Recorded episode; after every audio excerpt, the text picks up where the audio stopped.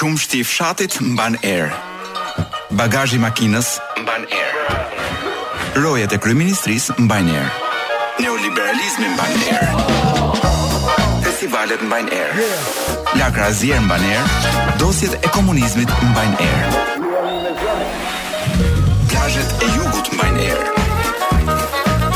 Po ky është një mision?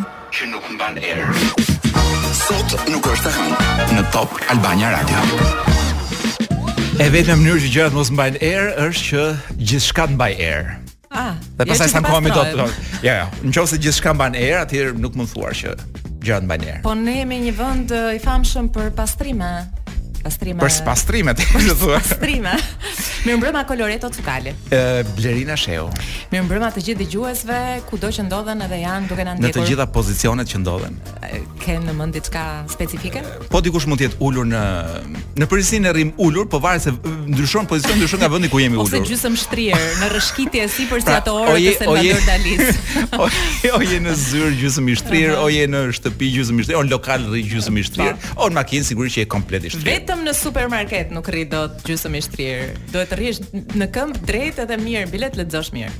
Prandaj kalojmë shumë pak kohë nëpër supermarkete dhe sa më rrallë që mundemi, sepse bien kundra uh, asaj frymës tonë dhe stilit tonë të jetës. Pari. Pikërisht parimeve tona të të qëndruarit në këtë botë. Pra ne qëndrojmë Ashtu si na vjen më mirë për të qëndruar. si shtrirë. Thën këtë, e ke, ke dëgjuar kur uh, marrin një pozicion uh, opinionistët, thën këtë, tani dua të them një gjë tjetër. Po, edhe un mund të them me, me do që shprehja është një shprehje që rri shtrëmbër, domethënë është pikërisht shprehja për njerëzit që rrin. Domethënë është rri shtrëmbër dhe këputja si do të vijë. Po. Kjo është pak a shumë ide. A e thën kjo? Thën kjo. Domethënë nga nga Perëndia. Ë Blerina lëshojmë një këngë kështu pornografike, prit ta gjejmë çik se ka edhe një emër kështu si pornografik kënga. Është bukur, ë? Po, siç duhet. Pornografi e dhunshme nga System of a Down. Do më mirë se sa kjo këngë për të nisur një të hënë si puna kësaj. Që nuk është e hënë në fakt. Jemi jemi një një program tashmë i famshëm sepse një nga ne Arriti, jo arriti të futej në shtëpinë e Big Brother. dhe kjo është Kloj, e cila nuk e di a e pa do që shkëlqen aty më në fund ndodhi një një gjë e bukur në atë shtëpi. Unë e pash dhe isha shumë xheloze madje që Po ti e pe se ti ma the dhe mua po, pastaj po. dhe dhe të kujtohet se sa u gëzova. U gëzova shumë. Ashtu tregoja Kloj që u gëzova po, dhe unë. Ti u gëzove shumë. Më duk sikur kisha dhe unë diçka domethënë kisha një, një kontribut të vogël në atë ngjarje. Po. Blerina, testet a të pëlqejnë apo jo? Testet. Po. Jo testi i enëve, them këto. Testet e personalitetit. Sa enëve është ta hash.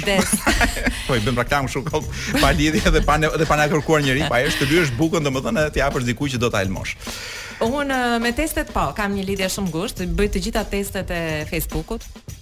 i bën të gjitha. Nuk ka luajtur më në Facebook-u, do nuk kam. Nuk jo, më më sjell të tjera, sa më shumë bësh më shumë. Po. po po, ti e pas ke dërguar algoritmin. Të ardhmes. Unë do të un pash një lajm që mendoj që është testi më i mirë për gjithë ne. Pra, kur ja thua dikujt këtë lajm, nëse njeriu frymëzohet. Aha. Apo nëse njeriu bie në depresion, dhe lajmi është ky. I takon këtyre ditëve të përmbytjeve. Aha. Banorët në Lezhë kanë shpëtuar familjen nga rrjedha e, e përrojit Çfarë do të thotë? Kjo do thotë që ishte një familje e cila po kthehej nga varrimi, është shumë e rëndësishme. Kjo duket sikur është sa duket si skenar filmi po, nuk pra. është.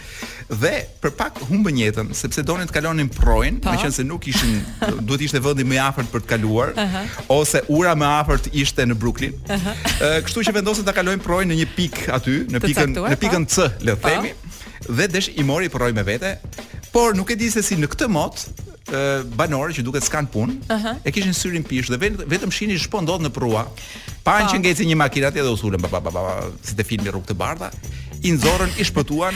Makina më duket, nëse është kjo që shohim këtu domon, makina më duket se ka marr rrugën e, e, e Durrësit. Domethënë do ta gjejnë diku në Durrës ndoshta në, në ta kanë nxjerr lumi në breg. Ëh, uh -huh. uh, por ose mund ta çojë lumi edhe deri në Kroaci, siç çon gjithë mbeturinat tona, por njerëzit shpëtuan, kjo është shumë e rëndësishme. Pra, nëse ky duket një lajm frymëzues, do thotë që ti je njeri pozitiv edhe edhe ç'bën në Shqipëri. Unë ngela pa fjalë sepse po pres momentin kur duhet të zgjedh A, B ose C. Atëherë A-ja është kjo, a të frymëzon ky lajm dhe B-ja është ky. Ky lajm nuk më frymëzon. A të fut në depresion ky lajm dhe C-ja është nuk e di pa përgjigje. Dhe D-ja është do iki në Gjermani nuk më duhet nuk më duhet ky lajm. D, D e vendosa. Unë i përjetova të dy emocionet Blerina, pata dhe thash shyqyr që kanë shpëtuar m'u duk lajm i mirë njerëz, Jemi domethënë akoma një shoqëri që kujdesemi për tjetrin. sepse sot më do unë Jo një shoqëri pa ura. Jo vetëm kaq, po jemi shoqëri pa çadra.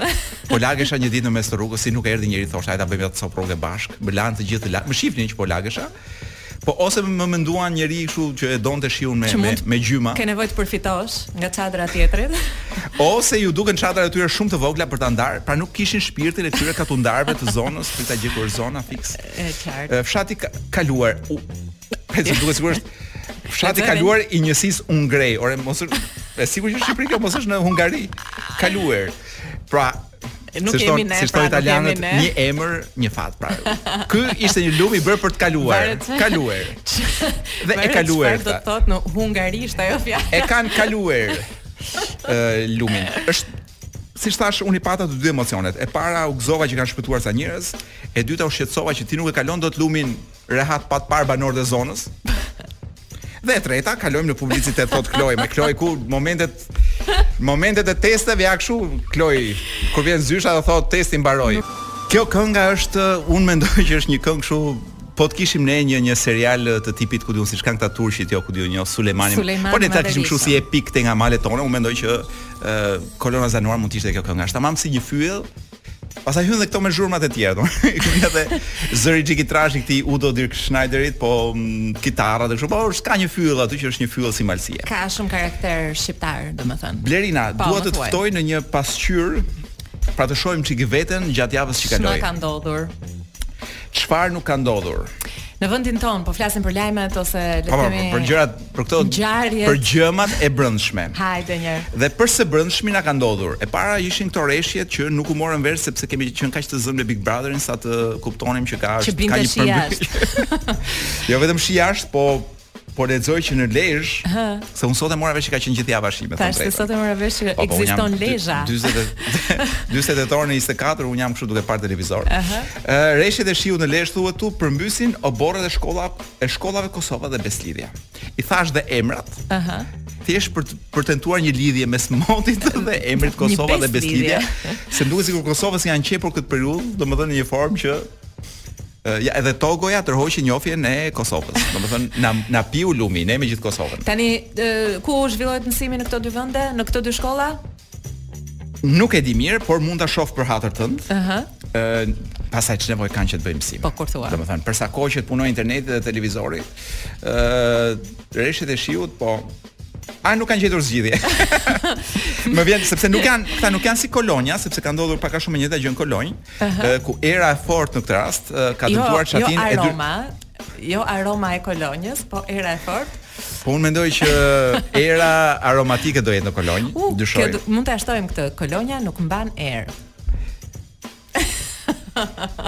Ishte një gjetje që më la pa fjalë. Uh, Kolonja dhe mund të kemi shumë vende që nuk mbajnë erë si puna e Kolonjës. Ë, uh, çatia në dy shko, po. Zhvendosen, por në Kolonjë kanë zhvendosur nxënësit në ambiente të tjera. Të tjera për t'u zbuluar. Po unë besoj që ja ta hap edhe këtë ta shoh se ku mund të jenë këto vende të tjera. Ëh, është një zë aty në fund të gjithë listës përgjithësisht. Vijon në të dyja shkollat. A kanë shkruar kanë janë çuar në pra i kanë çuar nxënësit në në ku di unë, në lagje të tjera. Jo në lagje të tjera, por në i kanë dërguar në në shkollën Beslidhja. kanë çuar Lezhë, në Lezhë të të marrin përvojë se si s'ke nevojë të bësh mësim. Por unë meqenëse më ngacmove me Kolonjën, po mendoja pse nuk e binjakëzojmë Kolonjën me, ku di unë, me Kölnin për shembull. Me Parisin do më shkonte më shumë, nuk e di pse. Jo, me Parisin nuk kanë gjëra të përbashkëta, po Kolonja dhe Köln dhe Kölnja e Gjermanisë janë pak a shumë e njëjta gjë, po edhe edhe në mentalitet nuk e di a ke njohur kolonjarë. jo. Po janë gjermanë. Po them janë gjerman me përjashtim të të melodisë gjuhësore. Ëh. Po edhe edhe ku di un se ç'ka një ku di un një kolonja në në në Kolonjo Monceze, një në Itali. Po edhe në Itali, domethënë, pra mundësira ka shumë po. që sepse kolonja un mund të ta them me garanci të plot, nuk i takon Shqipërisë. Po, po. Pra, është një vend që këto karakteristika të sipërpërmendura edhe për vetë faktin që u gjend një tjetër vend ku të bëjnë mësim nxënësit e një shkolle të përmbytur, kjo tregon që ka një shpirt që nuk na përket ne shqiptarëve. Po, është është i përket botës së jashtme. Po, po. Nuk e di se si ka se si ka rastisur këtu në Shqipëri dhe gjithë këto sorollatje te ky lajm thjesht për të mos përmendur inkompetencën shtetërore në këtë rastin e përmbytjeve të shkollave që prishen etj etj. Pra një një çati që e merr era të bën të ngre të ngre ca pikëpyetje. Por meqense Luizi nuk e kemi në liri që të na japi po, zgjidhje, po, po. jemi detyruar të rrim pa zgjidhje për gjithë ato pyetje ekzistenciale. Eksakt. Vuçiç. Ha, njëri. Vuçiç. Çka bën ky si? Ë, në Kosovë i thon Vuçiç. Po. Ë, që na ka vendosur në siklet. Aha. Me sa lexoj këtu, por Rama i paska dalë në mbrojtje duke kritikuar BE-n për sanksionet ndaj Rusisë. Si si si si. Ku më duhet të sqaroj që Rama është ne nuk e kemi fatin ta përdorim, por Rama është si është si nga ato topat e elastikut antistres që këta.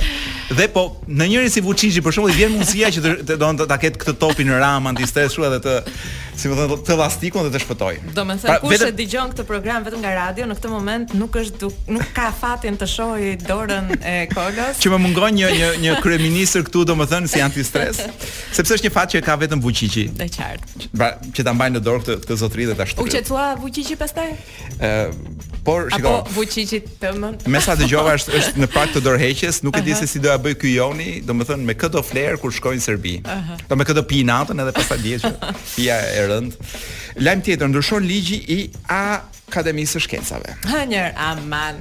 Sepse më duhet ta lexoj me Akademia e Shkencave. Akademia e Shkencave. Ë, ç'do të thotë që ndryshon ligji? Ndryshon ka një gjë, ligji është bërë para 2 vjetësh mm -hmm. dhe në ligj është ishte përcaktuar që kryetari, ku di un dhe disa seksione, mund të rizgjidhen për dy mandate, por jo rradhazi. A pra, në qoftë se ti je 4 vjet kryetar. Po. ose sekretar shkencor, ku di un, po nuk mund të jesh prap 4 vjet të tjera. Pra ti do bësh 4 vjet pushim dhe mund të kthehesh më vonë. E qartë. Domethën Gjinushi? Jo, Rama ka menduar që Gjinushi ndoshta nuk nuk do mbijetoj fizikisht për të ngrënë atë mandatin e tretë. A dhe e ka afruar. Dhe po, dhe ka hequr këtë pjesën jo rradhazi. Ah, dhe është një ligj që Po këta e kanë bërë në 2019-ën. Po patere mbase pra, nuk. Pra tash si mund të një ligj që sapo e ke bërë 2019-ën, domethënë çfarë budallëku ke bërë ti 2019-ën që ke të nevojshme ta ribësh në 2023-shin. Nëse ai. Dhe budallëku është ky që këta kishin penguar, kishin bërë një një ë një ligj për Akademinë e Shkencave që pengonte Gjinushin të mbretëronte i pashqetësuar për vite me radhë. Kryeministri jonë ka thënë që ai është i aftë të reflektojë mbi gabimet e veta dhe madje edhe të kërkojë falje nëse ka gabim dhe të marrë kthesën. Po, kështu që kjo është një kthesë. Me përjashtim të pamjes së jashtme si është ajo. Është si nëna e dragonjve tek House tek Game of Thrones. Kështu që House of Gjinushi do mbretërojë për 1000 vjet në Akademinë e Shkencave. Unë desha të thoya edhe diçka tjetër që ishte shumë e bukur, duhet duhet fusim publicitetin. Po ma ruaj për një çik më vonë. Po, po jo, thuaje shpejt e shpejt se do na do na jo, kisha dy reklama për këtë lajmin. Personazhi, personazhi që që kujdeset për rrjetet sociale dhe mediat sociale të Akademisë së Shkencave, pak kohë më parë ka dashur të ndryshojë foton e profilit dhe pa dashje ka vendosur në foton e profilit në Facebook të Akademisë së Shkencave të Shqipërisë një faturë bankare. Sepse në në revolucionin që po bën House of Gjinushi, i njëjti person është edhe berberi i Gjinushit, është edhe ai që mban llogaritë bankare, është edhe ai që mban edhe Instagramin. Dhe ja ku jemi në programin sot nuk është e hënë me një libër në dorë. Blerina do më lejosh të lexoj një çik me zë kështu të thellë. Ti je nga njerëzit e rrallë që unë shoh në të pozë kolo, kështu që me libër në dorë. Do të të shoh Dhe dëgjoj me shumë kuriozitet. Unë kam në dorë librin e Haruki Murakamit, Në jug të kufirit, në perëndim të diellit, që është një libër që duke lexuar, pra sa më shumë që e lexon, aq më shumë të hyn të kap një si kështu, një si ngrohtësi përbrenda. Është i përkthyer dhe mirë. Ëm ehm, um, Është mund t'ju them po të doni edhe vitin kur është botuar për herë të parë në 92-shin, po. Dhe është botuar nga shtëpia botuese, ja ta gjej shtëpinë botuese, Skanderbeg Books. Dhe është përkthyer nga Artan Kuçi. Ja ta gjej një, se ndava një pikë, është një ka disa histori dashurie ky njeriu dhe Kjo është njëra prej tyre. Qysh atëherë nuk e pashë Shimamoton për një kohë të gjatë. Çdo mbrëmje ulesha në banakun e Robin's Nestit dhe kaloja kohën aty. Lexoja libra dhe i hedhja sytë herë pas here tek dera kryesore. Por ajo nuk u duk. Druhesha se mos kisha thënë ndonjë gjë të gabuar, diçka që nuk duhej ta kisha thënë, që e kishte mërzitur. Sillja me radhë në mendje çdo fjalë që kisha thënë atë natë, por nuk arrij, nuk arrija të gjeja ndonjë gjë që nuk shkonte, mbase Shimamoto-ja ishte zhgënjyer. Kjo vërtet mund të kishte ndodhur, ajo ishte aq e bukur dhe këmba s'i ishte ndrequr. E çfarë do të pëlqente tek unë një grua si ajo? Viti iu afrua fundit, krishtlindjet erdhën dhe ikën dhe po ashtu dhe viti i ri. Erdhi ditëlindja ime 37 dhe papritur janari kishte kaluar. Hoqa dorë së prituri Shimamoton dhe rrallë dukesha tek Robin's Nest. Kur shkoja atje më vinte ndërmend dhe më vinte ndërmend ajo dhe kërkoja me kot mes klientëve. Rrija ulur tek lokali tjetër i imi, duke shfletuar faqet e librave, i humbur në vramendje të kota. Sado të përpiqesha, nuk ia dilja të përqendrohesha.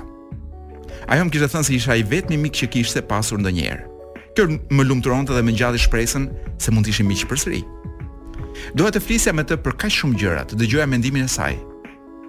Edhe nëse nuk donte të thoshte ndonjë gjë për veten, nuk shqetësohesha. Më mjaftonte të mund ta shihja, të flisja me të. Por ajo nuk erdhi. Ndoshta ishte tepër e zënë që të gjente kohën për të më parë, mendoja. Por tre muaj ishin një ndërkohë tepër e gjatë. Edhe sikur të mos kishte mundësi që të vinte për të më parë, të paktën mund të më telefononte. E mblodha mendjen në fund, se ajo më kishte harruar fare. Në fund të fundit, nuk isha aq i rëndësishëm për të. Kjo më lëndonte si si të më kishin hapur një vrimë të vogël mu në zemër. Nuk duhej të më kishte thënë kurrë se ndoshta mund të vinte përsëri. Premtimet, madje edhe ato të vagtat si ky, nuk të shqiten nga mendja. Por në fillim të shkurtit, përsëri një natë me shi, ajo u rikthye. Ishte një shi i qetë dhe i akullt. Në Robin's Nest kisha shkuar më herët se zakonisht për shkak të një problemi që kishte dalë aty. Çadrat e klientëve mbanin aromën e shiut të akullt. Një saksofonist tenor i ishte bashkuar trios së zakonshme për të luajtur disa pjesë. Ai ishte mjaft i njohur dhe turma e njerëzve ishte ndezur. Si gjithnjë, u ula në stolin tim në cep të lokalit dhe po lexoja. Shimamoto u ul qetë-qetë pranë meje. Mirëmbrëma më tha. Ula librin dhe e këqyra. Nuk arrija t'u besoja syve. Isha i sigurt se nuk do të vije më këtu. Më fal, tha ajo. Je i zemruar? Nuk jam i zemëruar. Nuk zemërohem për këto gjëra. Fundja, ky është një lokal.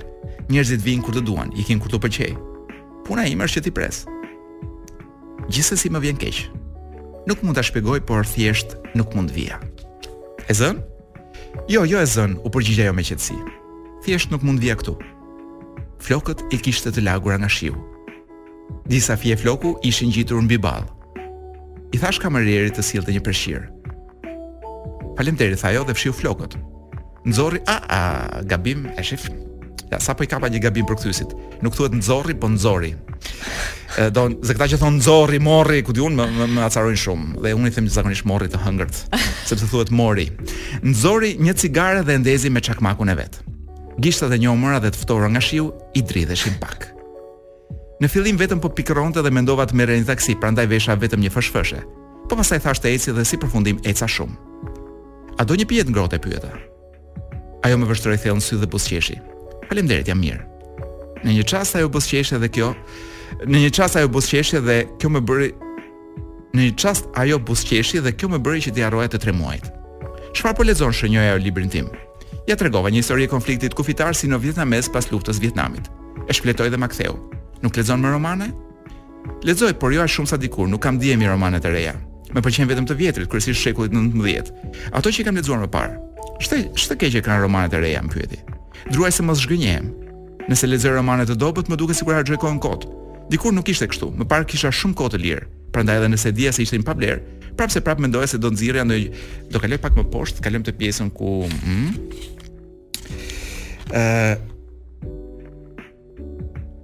Shimamoto e kishte veshur një golf të kaltër, pra kaluan nja dy faqe, ë dhe një fund ngjyrë blu të errët. Në vesh i vezullonin vathë të vegjël. Golfi i saj i ngushtë nxirrte në pah formën e gjinjve. Papritur, m'u mor fryma. Vazhdo fol tha ajo. Përsëri në buzët e saj u formua buzëqeshja e lumtur. Për çfarë të flas? Për filozofinë tënde të biznesit tha ajo.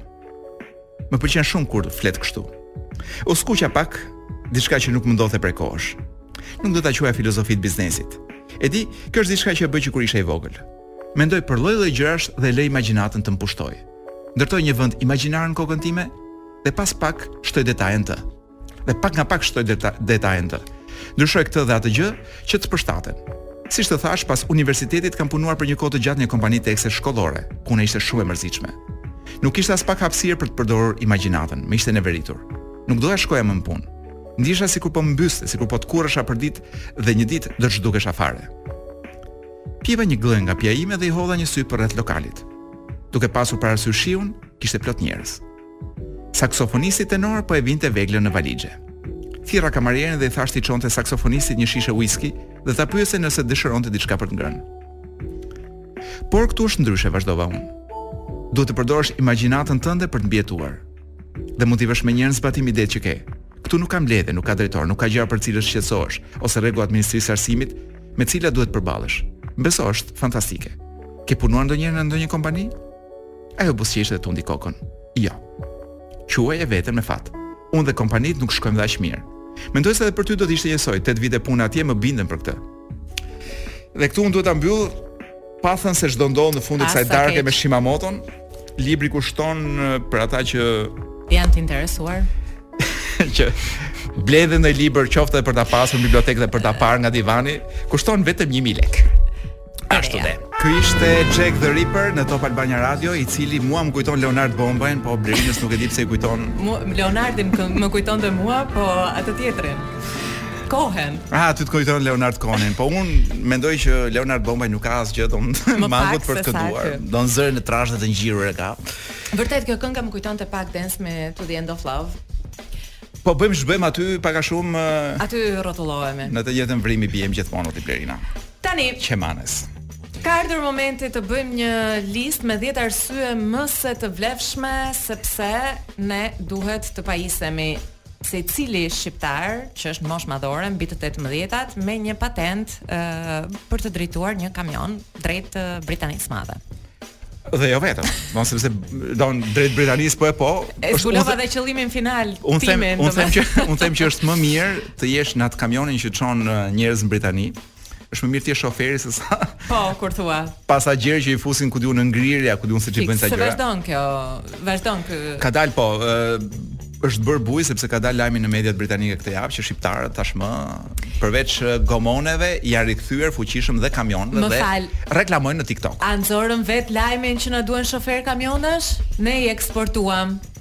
Mos flasin, mos thonë, mos kërkojnë ndihmë. Ne Neve një, një shofer çojmë atë kamionin, sepse këta këta 50 të tjerë që janë brenda kamion, nuk jam shumë i sigurt. Janë shoferë potencialë. Secili prej tyre mund të bëhet një shofer i ardhshëm. Shiko, unë mendoj që çdo shqiptar po t'i thuash, domethënë mund të marrë përsipër çdo gjë. Më kujtohet dikur që ë dikur kam rastisur në një parti ku erdhi njëri që mori përsipër të ishte DJ, po nuk ishte DJ.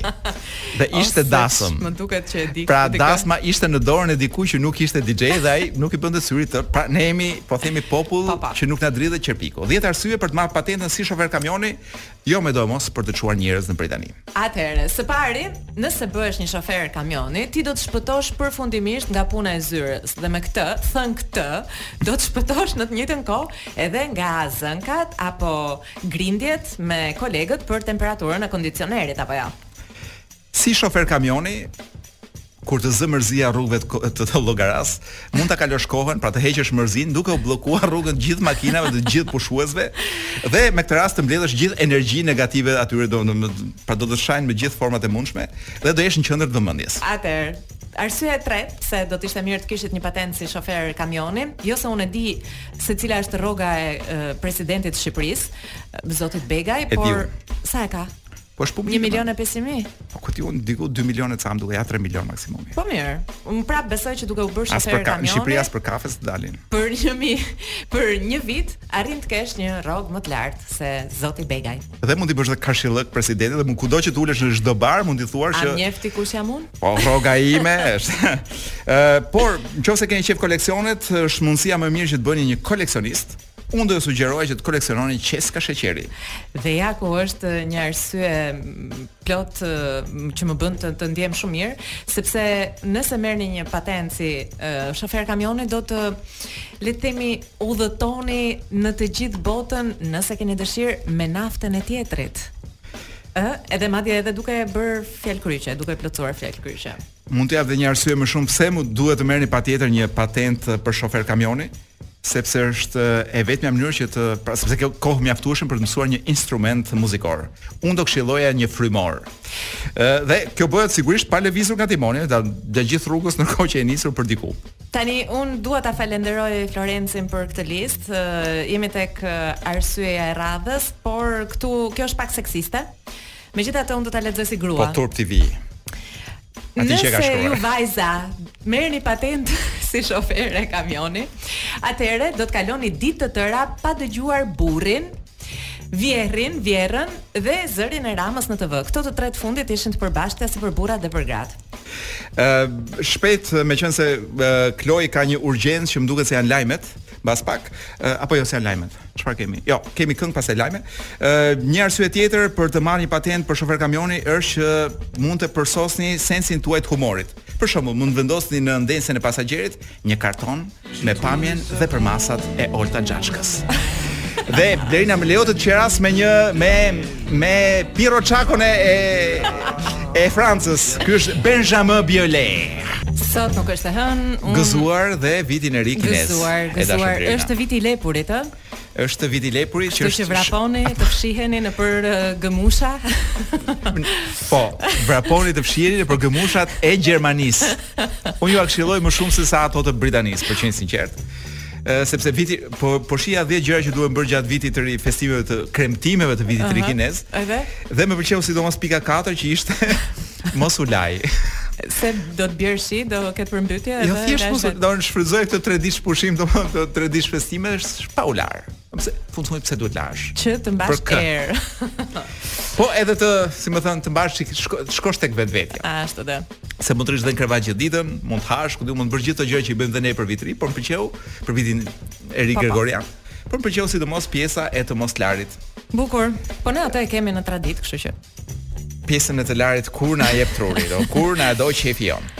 Ë e di Blerina që të nganjëherë kjo puna e larjes ose të moslarjes asociohet thuhet edhe me depresionin.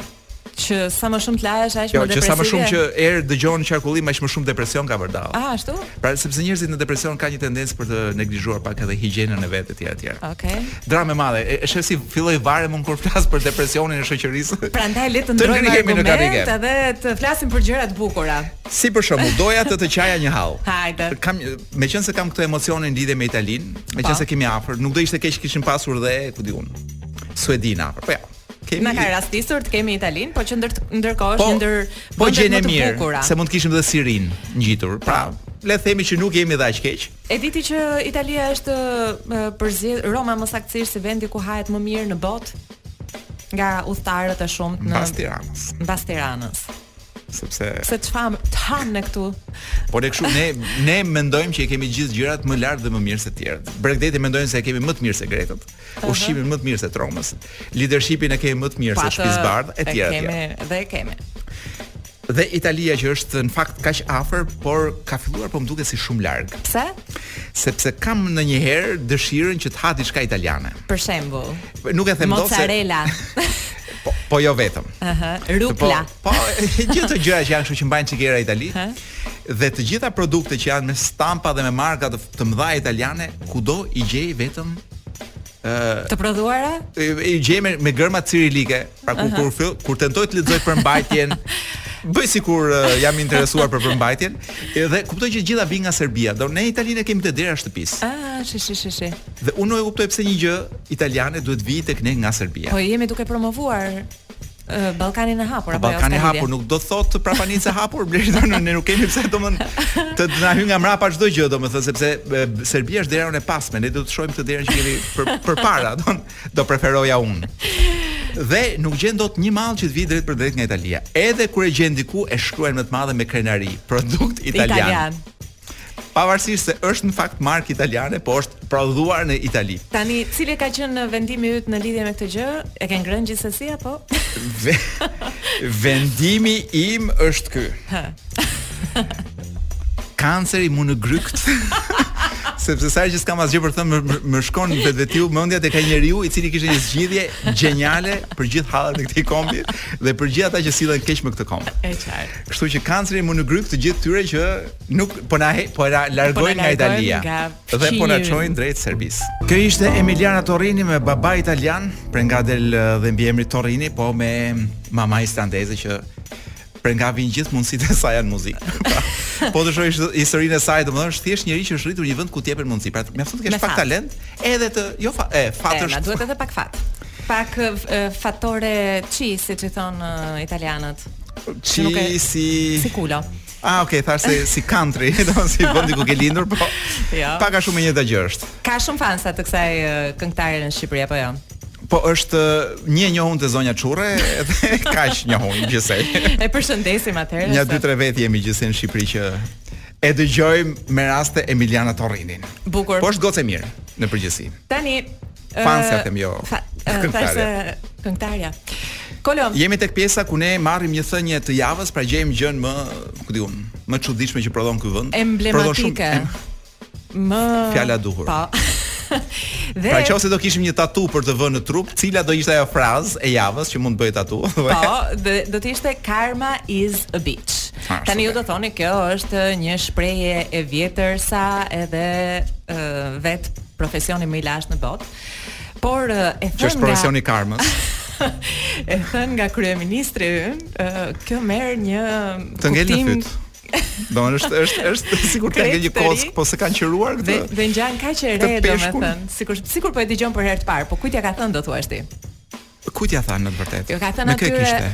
atyre dritëshkurtërve të Parlamentit Evropian, atyre që na bëjnë ne tangërllëk edhe na vënë ne kritere për të plotësuar e për të përmbushur që gjoja këtu paska korrupsion e gjoja ne s'qenkemi gati për të hyrë në këtë bashkësi të madhe që është Evropa, kur ata çfarë bëjnë vetë Kolo?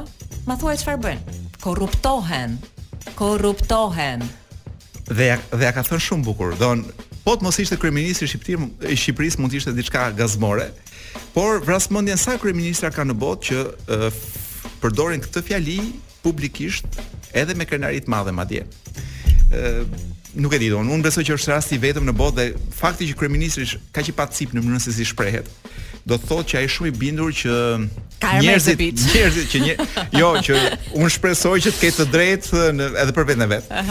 Pra do do e ndiej besoj do vijë dita shpresoj që ta ndiejë në lëkurë, po më shqetëson fakti që kur një kryeministër flet në një formë të tillë, do thotë që mungesa e tij e respektit për për publikun e vet, se ky sigurisht nuk e ka për të huajt. Po ky e ka për konsum të brendshëm. E di ç'më kujton mua kjo. Kjo mungesë respekti më më më, më krijon një si dhimbje. Mua më kujton kur shkonim në takime prindër, kur ishim të vegjël, që na shante mësuesja përpara prindërve dhe prindërit pastaj na merrnin në shtëpi dhe thoshin vetë e ke bërë veten. E ke bërë veten. Kështu që ata e kanë bërë veten Kolo që t'i shajë. ky i po, gjatë. Po, po jo se nuk flet kot ky, diçka ka aty që po nuk flet kor kot kur ky. Se ngeli koti dhe korri në fyt, domethënë, ë uh, nejse. E mbyllim uh, citatin e ditës, ju sugjeroj që mos e bëni, mos e bëni tatuazh sepse u jua dogji këtë mundësi për ta bërë tatuazh, ai që e tha, do na duhet edhe të këndojmë tani Blerina. Unë sikur ne të ishim nga këta që e mbajnë fjalën. Dua që kjo radio të vazhdojë të qëndrojë të pra, kohës. Pra mos fillojnë protestat, mos fillojnë protestat publike jashtë dyerve të radios. Kështu që do ta evitoj për sot, nëse ti ke ndonjë dëshirë, jemi gjithë vesh. Jo, unë më pëlqen më mirë të flas, domethënë dhe gjithë mllefet e mia t'i nxjerr me anë të fjalës dhe jo me anë të këngës. Kush do të dëgjojë, kush ka vesh le të dëgjojë. Mirë, unë Kolo mendoj që është momenti që ne të kalojmë në disa lajme nga bota, në mënyrë që secili nga ne që jeton këtu në Shqipëri Të kuptojë një herë e mirë që gjëra të çuditshme ndodhin në të gjithë botën, madje bëhen dhe filma, pra nuk jemi vetëm, kemi edhe ne kryeministrin dhe ministrat dhe politikën dhe njerëzit dhe qytetarët tanë, po ka dhe bota ato të tyre, domethënë tani. Çudira nuk... kanë, ata kanë dhe fatin që të kenë dhe para për të bërë filma se ne kemi vetëm potencialin për film, po jo jo parat për të bërë filma. Kështu që një lajm që mua më habiti dhe më la pa fjalë fare, ishte ai i kryeministrit të Britanisë së Madhe, i cili Kolo është gjobitur sepse ka bërë një videomesazh në mediat e tij sociale ku ka qenë në makinë, në makinën e tij dhe është shfaqur pa rripin e sigurimit. Unë nuk e di se si mundet që uh, drejtësia të veprojë kaq e pavarur, që policia të jetë kaq e pavarur. Pra ti habitesh se si një shtet është shtet, domethënë, çfarë bën një shtet shtet. Mirë, ore se unë nuk e kam fare me anglezët që jetojnë aty dhe që durojnë kështu lloj gjërash. Unë e kam me gjithë ata shqiptarë që, që që kemi eksportuar aty si e mbajnë dot një gjë të tillë, domethënë. Që ne kemi e kemi çuar me një përvojë. nuk e kuptoj. Pra, e kemi mësuar që ti nuk e ngre gojë, nuk e hap gojën kurrë. Domethënë edhe nëse kokës të ta bëjnë. T'i vësh gjobë kryeministrit se s'ka rip sigurimi. Ndërkohë që mua më kujtohen raste vazhdimisht kur dëgjoj lajme si ky, raste vazhdimisht për shembull, ë një, një në prani të kryetarit të bashkisë në një event nuk jepeshin nuk jepeshin fatura për shembull. Aha. Uh -huh. Pra gjithë biznesi ishte praktikisht gjithë pijet gjithçka. Po, edhe ato të kryetarit bashkisë ishin ishin në të zezë. Ore ka lezet. Në prani të ministrit ministri i rendit që pinte duhan dhe puro madje në mes lokalit dhe e ndiznin gjithë se përderisa ka ndezur dhe ministri. Domethënë Ë Ne i mësuam këta njerëz që kështu bëhet dhe kështu jetohet. Shkojnë aty dhe çnjerëzohen, nuk e di domethënë, po, nuk e di çfarë. Kafshë. Kafshë. nuk di ç'të them më shumë. Më lejo të them që po ndodh një ngjarje shumë e madhe, është po ndodh në në Davos, ë ku janë mbledhur këto krerët, po pra paria e globit. Ëh. Uh -huh. Të paria themi ne, po dikush tjetër mund të thotë se janë iluminati, do.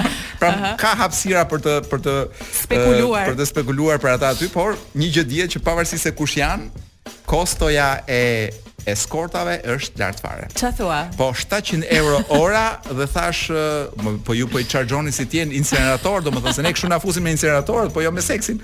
Po 700 euro ora dhe Mendoj që është një Kush paguan tani në gjithë këtë? Prapë taksapaguesit evropian, botëror?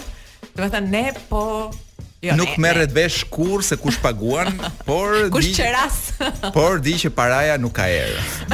Pavarësisht ankesave tona në këtë program. As eskortat. Për gjithë natën do do di çmimet e plota, për gjithë për gjithë natën është 2300 euro plus shpenzimet e udhëtimit. Ah. M'i thuaj se mund ta mendoj seriozisht që të po, bëjmë. Po ku ke ti 700 euro për të paguar? Për po jo ore. pra fiks. Dua të bëjmë një krerë, një krye e Davosit. Dhe po themi funksionon me rezervime me të gjitha me, me po themi mund t'i kërkosh vajzat dhe sipas gjuhës që preferon e të tjera të tjera. Thashë se na ndërprenë sinjalin.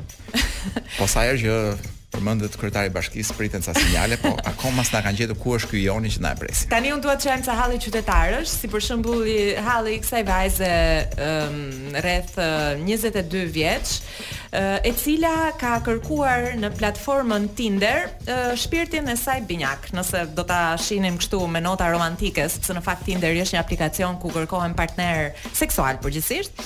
Ë gjithsesi kanë gata e, e gjeti se më, më doli shumë nga shpirti e gjeti. Ka disa kritere që do që A ka duhet, kritere? Po, ka vënë disa kritere që duhet të plotësojë djali me të cilin ajo do të vendos më pas të dalë.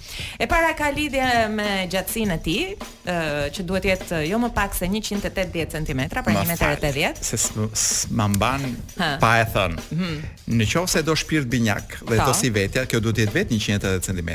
Është kjo vetë 180 cm që do dhe binjakun 180 cm? Ajo është në karakter. Tjetër, deri këtë e përmbushim. Do gjysma e radios është deri tani brenda. Tani kriteri i dytë është edhe pak më i sikletshëm sepse Ne kemi një DJ këtu që është fiks 180 cm, pra është Mund të jesh shpirti i saj binjak, po. Okay. Tjetër çka kërkon? Tani ky DJ të hapë veshët mirë dhe të ose të pajiset me një vizore. Sepse vajza kërkon që gjithashtu uh, djali uh, partneri i saj i ardhshëm të ketë një penis jo më të vogël se 17 cm. Shiko, më fal se ky DJ jonë nuk punon mirë me centimetra, ky punon me gisht. A mund na a mund na sa gisht? Na gjesh ekuivalentin në gisht, në gishta shqiptarë? Nuk e di, nuk e di. Po themi 20 gisht? E po ky duhet ta duhet ta shkurtojë një çik atëherë që të për. Unë tani DJ jonë do shkurtojë atë gjën që kërkon vajza, domethënë që të që të arrijë për masat e kërkuara. Do ta shkurtojë pak, ë.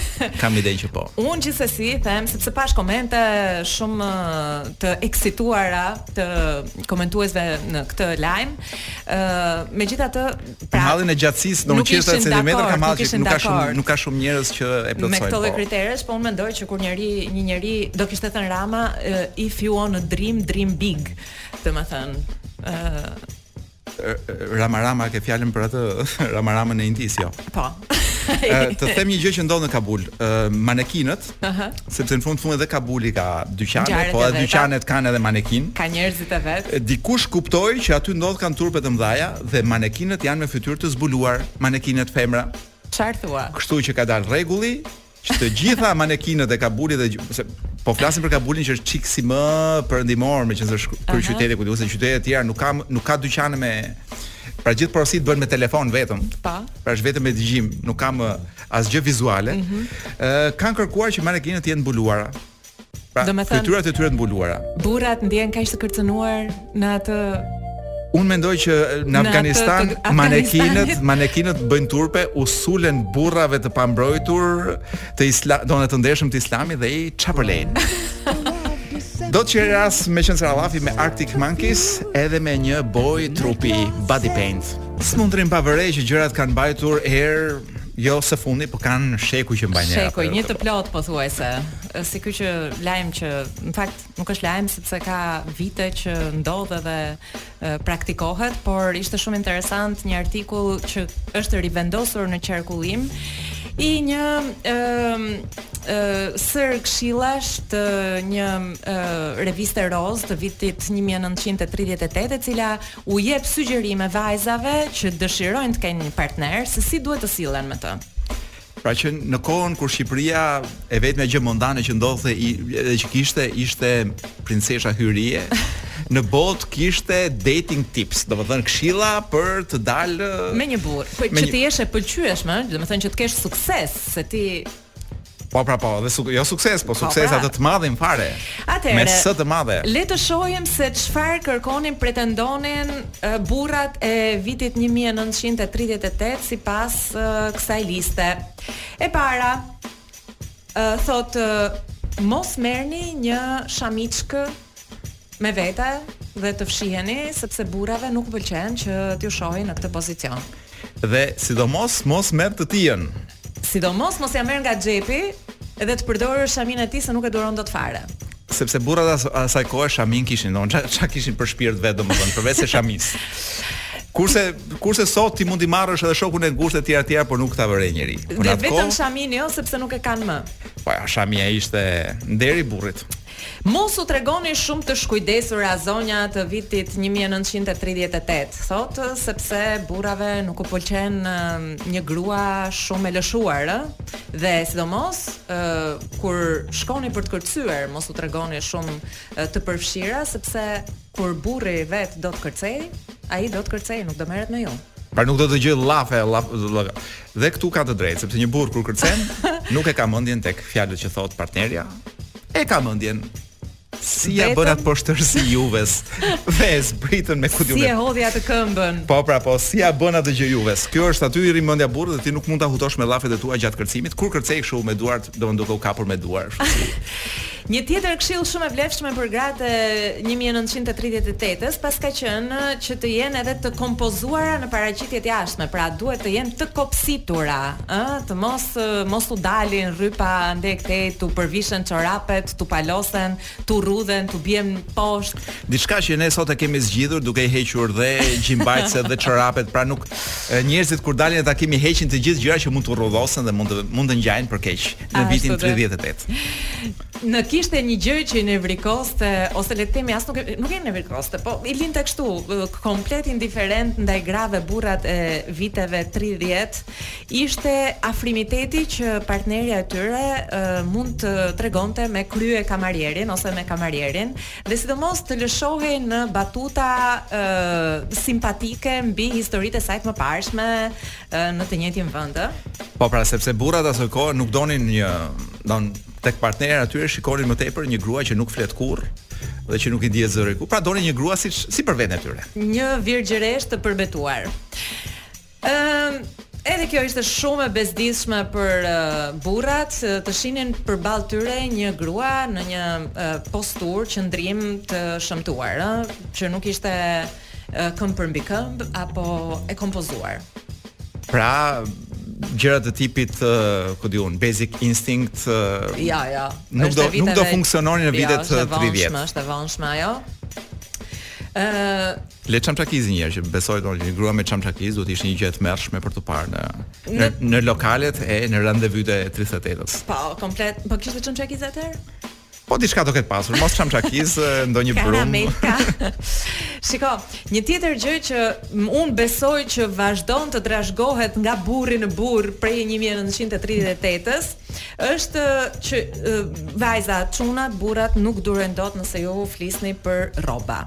Kështu që boll, ia ënjtët kokën me blerjet tuaja më të fundit dhe sa të bukura dhe sa moderne ishin ato. Pra ideja ishte që ti nuk duhet të flasësh për gjërat që ty të pëlqejnë, por vetëm për gjërat që atij i pëlqejnë. Atij i pëlqejnë. Padronit. Dhe mbi të gjitha, nëse do dalësh për të pirë diku, ti në fakt do dalësh për të parë, jo për të pirë, sepse ai që ka të drejtën të pijë, Sidomos alkolike është burri dhe ti thjesht duhet të rrish dhe të shohësh. Pra ideja është që në fund të darkës ti je ti që e mban atë në kurriz për ta çuar në shtëpi dhe jo ai që të mban ty për të çuar për të çuar në shtëpi sepse njëri sigurisht që do të dehet në këto net të gjata të 38-s. Po pastaj kur përdor atë Pasqyrën e makinës për tu lyer ose për tu parë çfarë tmerri kanë pasur burra po, dikur. Po, po ti përkëdhele pak flokët kur je, domethënë, të krijosh një çik intimitet. Një tmerr i vërtetë. Nuk di, domethënë ngjante, ngjante vetja një sharlatan i vërtetë. Me këto këshilla, në qofë se keni në plan të udhëtoni në kohë, e të ktheheni në vitet 30, në kohën e princeshës hy Hyrije, Ë, besoj që jua lehtësuam jetën. Arab Strap, ky grupi më pëlqen jashtëzakonisht shumë. Është këngë një çik kështu si me koska me gjëra, po prap. Kjo ishte Zozi, që është një fra, një franceskë ish modele, po këngëtare, po ku di unë. Po seç ka një stil kështu që mua më Dhe nuk është gruaja e asnjë kryeministri, se unë këngëtare franceze njoh vetëm Carla Brunin. Që në fakt po. është me origjinë italiane, po tashmë. Po sig sigurisht don çdo president i suksesshëm ka nevojë për një për dikë që të këndojë në vesh gjatë gjithë kohës kur është në shtëpi. Ashtu da. Kështu që ai e kishte një të vetën. E dashur Blerina. Se jemi drejt fundit jemi, edhe. Unë dua të rikthem një temë që trajtuam javën e kaluar dhe ishte tema e atij studimit. Po, që ka makinat një... sportive, makinat sportive zakonisht tregojnë që burri që i përdor ka probleme me gjatësinë e penisit. Pa. Mund të të flas për studimin, po mund të të flas edhe për një shkëmbim ë mbas këtij studimi, një është një uh, influencer famëkeq një Andrew Tate, uh -huh. i cili ka bërë gjithë famën edhe parat si influencer duke qenë kontrovers. Uh, ku di unë, sulmon gjithë, është misogjin, është ku di unë, ka gjithë të zezat e botës. Më në fund e arrestuan E kanë arrestuar për përdhunim e ku di unë se çfarë në Rumani, po ai vazhdon të jetë i suksesshëm dhe ka bërë shumë para. Ëh. Mm -hmm. Ka bërë shumë para sa që ka një sasi shumë të, një numër makina sportive.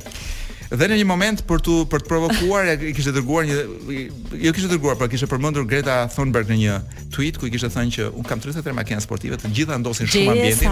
Do të çoj, do të çoj.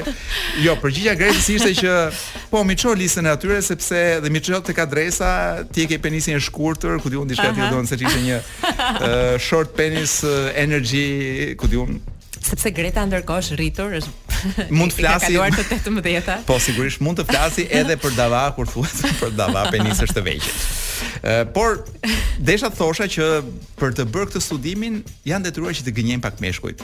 Se pyetja që mua më lindi ishte, po mirë, kush janë ata burra që e matën dhe dhe e pranuan publikisht që e paskan të shkurtër që u bë ky studimi. Ë kishin përdorur kur thu, kur thuhet në shqip një kopillëk të vogël. Domethënë i kishin bërë nja 200 pyetje ku ndërmjet pyetjeve dhe informacione kishin bërë burrat besonin që Sa më të vogël? Jo, i kishin bërë të besonin që gjatësia që ti kujton se ke nuk është e vërtetë, por në fakt penisat janë shumë më të vegjël. Pra kishin bërë të gjithë të ndiheshin shumë keq dhe të besonin që e kishin të vogël dhe pastaj kishin bërë pyetjen lidhje me makinat dhe gjithë kishin shkuar tek makinat e shpejta. Pra sapo morën vesh që mund ta kenë të vogël, me vrap kërkuan makina të shpejta.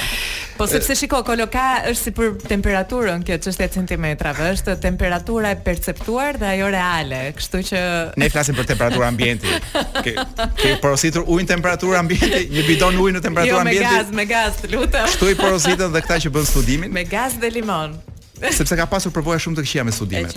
Një një studim për shembull ishte një një një zonjë grua që nxorri një publikim studiuese kjo në në Britani dhe tha para ca vitesh, nja 4-5 vjet, ju lutem më çoni foto të penisit tuaj. Pra do të bënte studim. Dhe gjithë këta burra që në fakt nuk lënë femër pa i dërguar pa leje dhe pa dashjen e tyre foto të të të ku diun si ta themi të Mickey Mouse-it të vet. Pa. nuk i dërguan pothuajse asnjë foto asaj, pra gjithë ishin shumë të kompleksuar në momentin që morën vesh që është një studiuese dhe diçka mund të bëjë me atë informacion. Dhe që konkurrenca është shumë e madhe sepse dhe mund të krahasojë.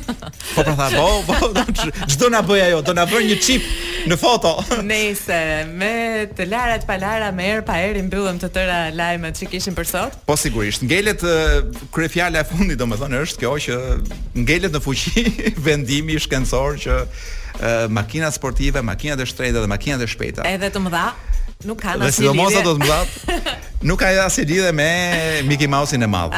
Të gjitha flasin për një Mickey Mouse, të vockël, të vockël, të vockël. Ashtu dhe. Me biçikletë ose me Mini Cooper. dhe do ta mbyllim me këngën e preferuar të të Kloit nga gjithë playlista e sotme, që është një këngë e vjetër, por që është shumë aktuale. Oj, ku vjetër. Pra në qoftë se dhuna ishte e vërtetë në 1916, është po aq e vërtetë edhe në 2000, uh, ku diun, 23. 23. Ne rishikohemi mbas një jave në të njëjtën studio. Puc puc.